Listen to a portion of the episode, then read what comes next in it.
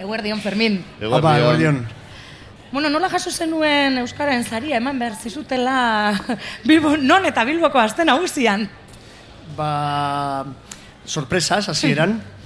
ez nekien ez da asistitzen zenik. Eta gero gainera egon naiz, era bat murgilduta Black Beltzaren, Black Beltza pelikularen amaieran ezin bukatuz, Orduan, ba, pizkat ez deskonektatuta, baina beti nagolako entxufatuta jakiteko munduan eta Euskal Herrian segertatzen den, baina Baina, bueno, pixkat, eh, ez ustean harrapatu ninduen, eta gainera esan nion, ba, beira, uste dut justo, ba, asteazkenean bukatuko dudala dena, ostegun egun librea, eta gero ja ostiralean banoa kanpora. Eh, beraz, beraz, e, txiripa zaude hemen e, jasotzera Euskaren makilla. Makillarena egia esan Makilla da, eh? Horregatik, horrek eman ziren kristuen ilusioa. Bai, bai, bai. E, gogora arazi zidalako, pues, telesforo monzon bere makillarekin, mm Eta, eta bueno, nire daina dela medio baita ere esan nuen, joea. Dagat erekin gero eta beharrezko izango dut makilia, bai nire gorputzari eusteko baita ere ondoan baldin badago malapartaturen bat ere bai kentzeko bidetikan. punkiaren zera hori ez da inoiz galtzen. Ez, ez. bueno, e, zari txikia da, baina aldi berean badu, e, bada esanguratzua, ez? E, musikaren bitartez Euskarari eman diosun ekarpena, ere, zaritu nahi dutelako? Bai, niretzat oso, nik uste dut hori oso, prestatu dut eh, esaldi batzuk gero esateko.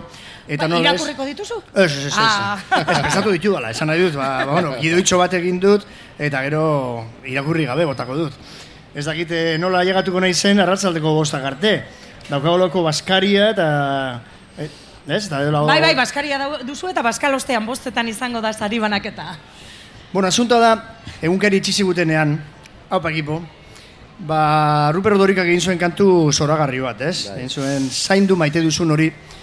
Eta hori nor, hain zuzen ere aipatzen zuen, inorkezioela esan zein nekeza zen Euskalduna izatea.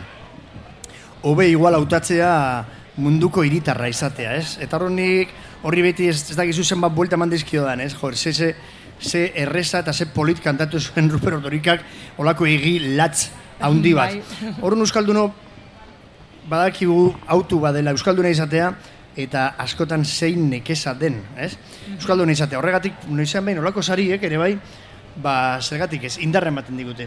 Horren, hori apizkan hartu nena, ez? Indarra esan duen, joder, zein ondo, ez? Olako gauzat, batez ere gainera, herriko parte batek ematen dizunean gainera, bai, ez? Eh, ofizialtasuna, ofizialtasuna hor dago, ez? Baina gero batean jendeak esaten dizunean dizu. Aurten betxatu dugu eta gero binarezidan itzi arronek -hmm. hau pitu jaukoak bidali zidan testu bat zoragarria eta zanuen, joe, ba, zer izango dian niko nin, aurrera bolien. Eta, bueno, hori da pizkate. Horin txertan ari gatu nahi autobusez, irundikan, e, bi ordu terdiz, eman dut, autobusean e, sartu nautelako zarautzen, eta gero sartu naute deban eta gero eibarren, eta eta hemen ona iritsi naiz, dorren ba herri zerri etorri zara beraz. Herri zerri, hori. Eta gero esan diot Juan Carri, mesedes esartzeko metroa nahi dudala tranbia ikusteko baita ere Bilbo. Beraz... Ondo, ondo, ondo. Turismoa egiten, ez? No, bai. Eh... Fermin, zure... Gozatzen, gozatzen eh, nire herriaz. Zure ibilbideari erreparatuta, ba, esan genezake, erakutsi duzula nazioarte mailan euskeraz ibil daitekela. Bai, hori izan zen erronka bat, hori izan zen autu bat, lehen esan dudan bezala, Euskalduna izate autu bat delako, eta gu okeratu genuen, kortaturekin bukatu bar genula Euskaraz abesten, guk oso garbi geneukan ba, ez baldima genekin hizkuntza izan zela zuzen ere fasismoak ez debekatu zigulako hautatu genuen gure lapurtu ziguten hizkuntza ikastea horretaz sortzea eta horretaz musika egitea eta mundu zoan zehar mugitu ginen ez da bakarrik ja musikarekin niak eskeneko ja mabu badara matere bai sinema gintzan eta baita ere hor e, euskara sortzen ditut gauzak eta etorrekin mugitzen naiz mundu osoan zehar, ez? Inongo komplejuri gabe arrotasuna hundiz. Bueno, eta hurrengo lana, bukatuta, Black is Belta ba, ba, pelikula. Bukatu genuen, orduan, ba, datorren, zera, datorren e, urriaren bostean zinemetan egongo da, beraz, joan zaitezte, eta horregatik, zain du maite dugun, zain, zain dezagun maite dugun hori, eta sortzen ditugun gauzak nik uste babestu behar ditugula, ez? Orduan, ba, ba, bueno, gero esan gainera, ez? Gustatu zaizun, edo ez, Bani gertatzen zaian bezala, ez dakit, ba, sinemagile bat, batek egiten badu pelikularen bat, gustatzen bazai zinemagilea, banoa ikustera, gustatzen dut. Gustatu zait edo ez. Eta, eta Euskara sortzen ditugun gauzekin, nik uste dut ola, olako zera bat, ez? Olako green bat, izan jarraitu behar dugu izaten. Ba, gozatu ezazula gaurko eguna. Gozatzera Jakina. etorri zarelako, eta, ez? Et, etorri naiz, superondo pasatzera. Euskalgunerarena ez dakite, karo, dakazue hau, baina gero non dago Euskalgunea zehatz mehatz. Han behan, Beherago. han behan, kaian. Horrean, horrean, segon nintzen txor- txori barroten egon nintzelako behin Bai, jotzen, ba, ba, eta hori da Euskalgunea. Hori Euskalgunea, baina haure bai. Hau ere Hau, euskalgunea da, algara ere, bai euskalgunea Claro, da. claro, bueno, esan behar dut ere bai algararekin, ba, imagina, zu, ez harremana dauke da nik kafean txokiarekin, ba, egiten dudan guztia beti ona ekartzen dudala, ez, orkestera. Lehen ipatu dut, egunkari etxi zutenean ona Rupero Dorikak e, egin zuen kantu zoragarri hori, ba, ni harrapaten ninduen egunkariaren itxierak, hain zuzen ere, Kafeantzokian. kafeantzokian Manu Bai. Txaurekin. Gogoan dut, gogoan Ah, dut. Ordu, bueno, pues, badokau historia asko, ez? Kontatzeko, orain bertan ere esan diot, Juan Carri. Juan Carri esan ziotelako, Fermin, ezagutzen duzu Juan Carri mugakoa. Juan Juan mugaz Carmuga, bai, launa, launa, ere. Eta orduan, ba, ba, esan, aipatu diot, ez, imagina zuen nola etorri nintzen ja bai Bilbora, nola sartu nintzen ja Bilbo, Bilbo barruan batez ere aste nagusian, lehenengo aste nagusian, kapuletok egin zituenean kortaturen eh, maketaren kopiak, ez?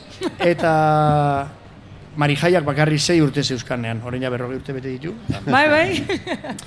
Eta, bueno, ba, hemen txago de, bueno, laguna ekarri dut, eta ja, eh, posiblena joan orduan, posible naiz joan orain ja urrengo zerbeza de atera. Fermin, placer bat.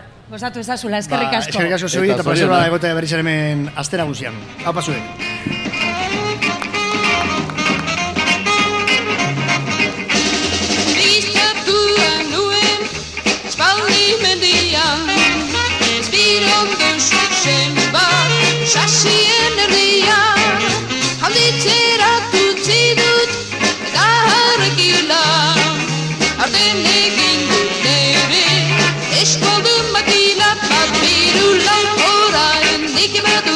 Spaldu makila Orain nik badut, eskoldu makila